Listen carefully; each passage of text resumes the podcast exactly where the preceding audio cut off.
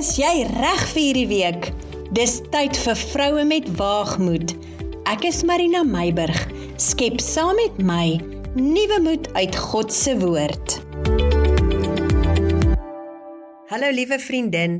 Ek vertrou dit gaan sommer goed met jou en dat beide jou geestelike en emosionele hart gesond is.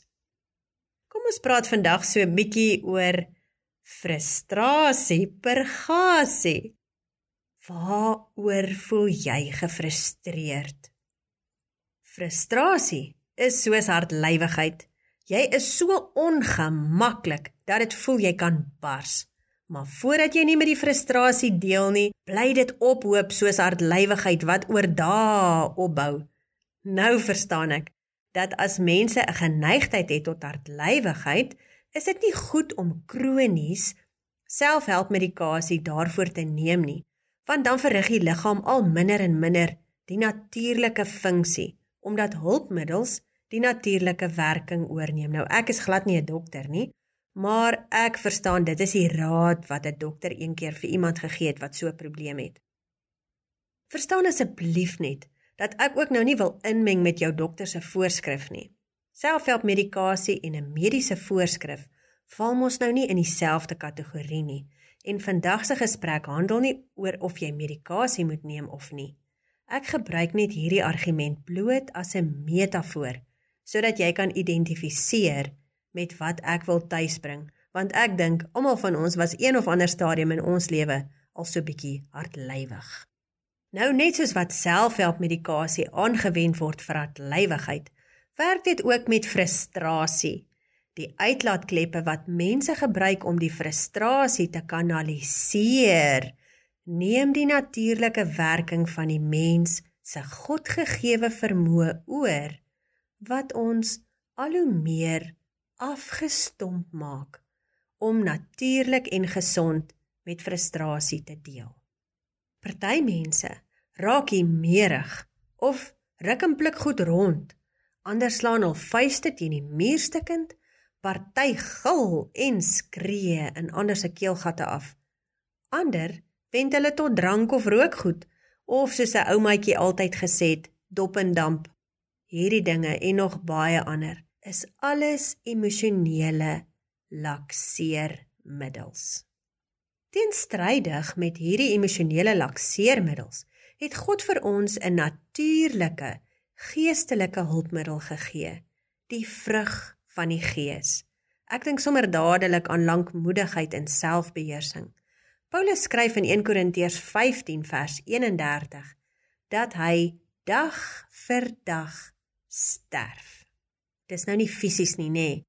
Soos wat ons die Heilige Gees toelaat om 'n verandering in ons lewe te bring en geestelike groei plaasvind, sal jou natuurlike Godgegewe vermoë om met frustrasie te deel al hoe meer en meer prominent word sodat jy nie emosionele lakseermiddels nodig het nie of uitlaatkleppe as jy dit so wil noem om van jou frustrasie ontslae te raak. In dieselfde asem wil ek ook noem dat om die Here te dien prakties moet wees. Ek het dit al soveel keer voorheen gesê. Wanneer ons die Here begin dien, Neem hy nie ons persoonlikheid weg en maak van ons 'n robot nie. Nee, hy het jou met daardie persoonlikheid geskep. So, soos wat jy geestelik volwasse raak, sal jou persoonlikheid soos klei in die hand van die pottebakker die eienskappe van die vrug van die gees aanneem.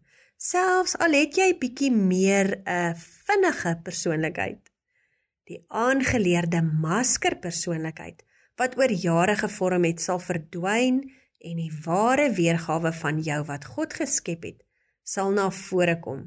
Maar dis 'n lekker gedagte vir 'n volgende gesprek. Vandag wil ek jou aanmoedig om sommer 'n stukkie papier iewers vas te plak waar jy dit elke dag kan sien. Dalk sommer daar teen jou spieël of binne in jou kas as jy jou kas se deur oopmaak. En dan maak jy notas van die dinge wat frustrasie in jou lewe veroorsaak. Ja, Kom ons wees 'n bietjie prakties in ons Christendom.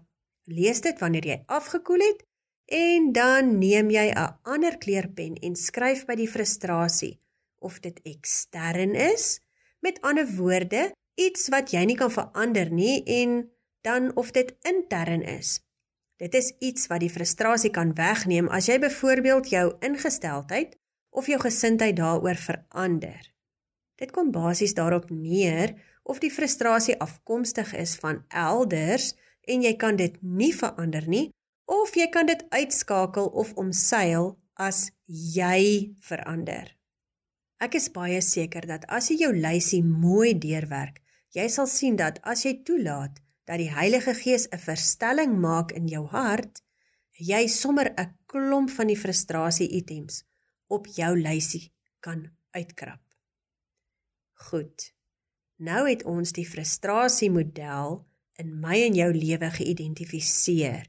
En ons weet reeds dat soos wat die vrug van die Gees in ons lewe al meer en meer prominent word, dit die vrug van die vlees sal verdof en eindelik vervang. Ons is ook deur Paulus aangemoedig om daagliks te sterf in onsself sodat Christus meer en meer prominent word in ons lewe. Maar Christendom moet prakties uitvoerbaar ook wees, soos ons reeds gesê het. Ek wil gou vir jou vier praktiese dinge noem uit die woord wat jy kan toepas om daadwerklik met die frustrasie in jou lewe te deel. Nommer 1. Bid en vra dat die Here jou lei.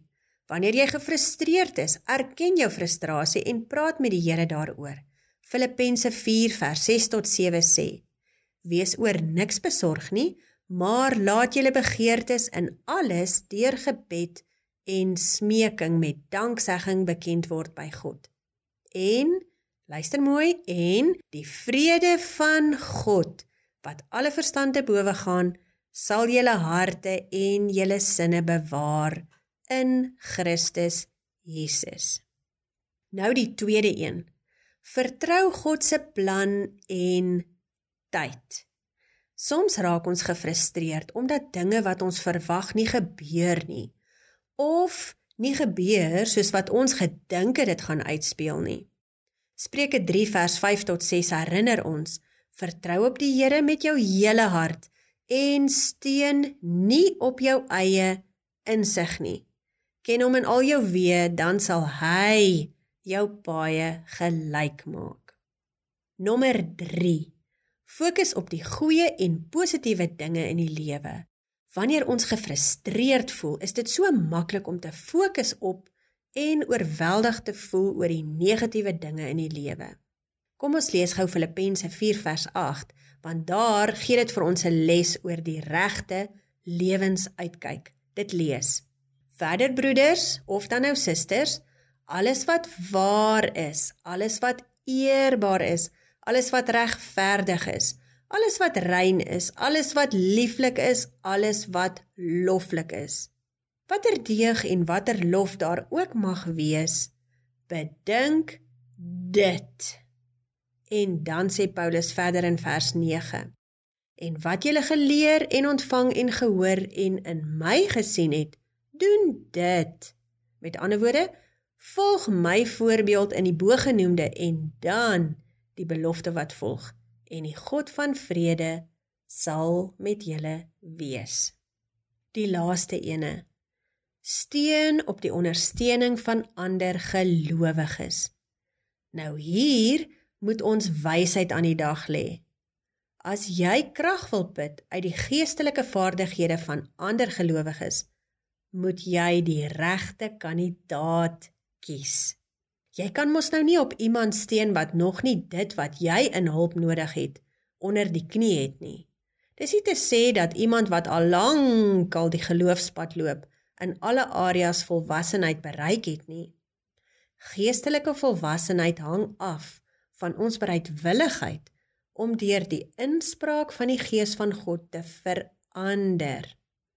Galasiërs 6 vers 1 tot 2 leer ons: Broeders of dan nou susters, As iemand ewenwel deur een of ander misdaad oorval word, moet julle wat geestelik is, so een reghelp met die gees van sagmoedigheid.